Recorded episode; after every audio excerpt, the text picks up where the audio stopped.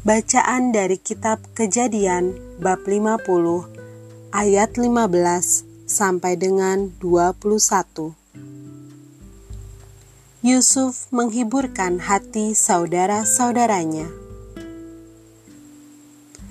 Ketika saudara-saudara Yusuf melihat bahwa ayah mereka telah mati, berkatalah mereka, "Boleh jadi Yusuf akan mendendam kita dan membalaskan sepenuhnya kepada kita segala kejahatan yang telah kita lakukan kepadanya." Sebab itu, mereka menyuruh menyampaikan pesan ini kepada Yusuf. Sebelum ayahmu mati, ia telah berpesan, "Beginilah harus kamu katakan kepada Yusuf: Ampunilah kiranya kesalahan saudara-saudaramu dan dosa mereka, sebab mereka telah berbuat jahat kepadamu.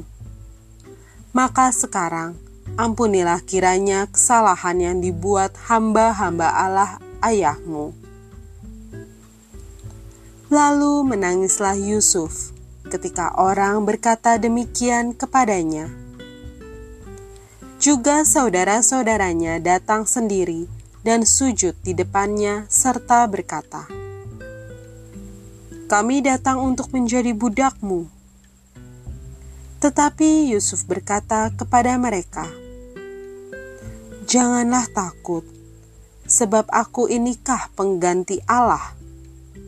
Memang kamu telah mereka-rekakan yang jahat terhadap aku, tetapi Allah telah mereka-rekakannya untuk kebaikan dengan maksud melakukan seperti yang terjadi sekarang ini, yakni memelihara hidup suatu bangsa yang besar. Jadi janganlah takut, aku akan menanggung makanmu dan makan anak-anakmu juga.' Demikianlah ia menghiburkan mereka dan menenangkan hati mereka dengan perkataannya.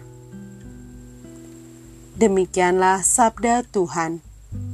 Syukur kepada Allah.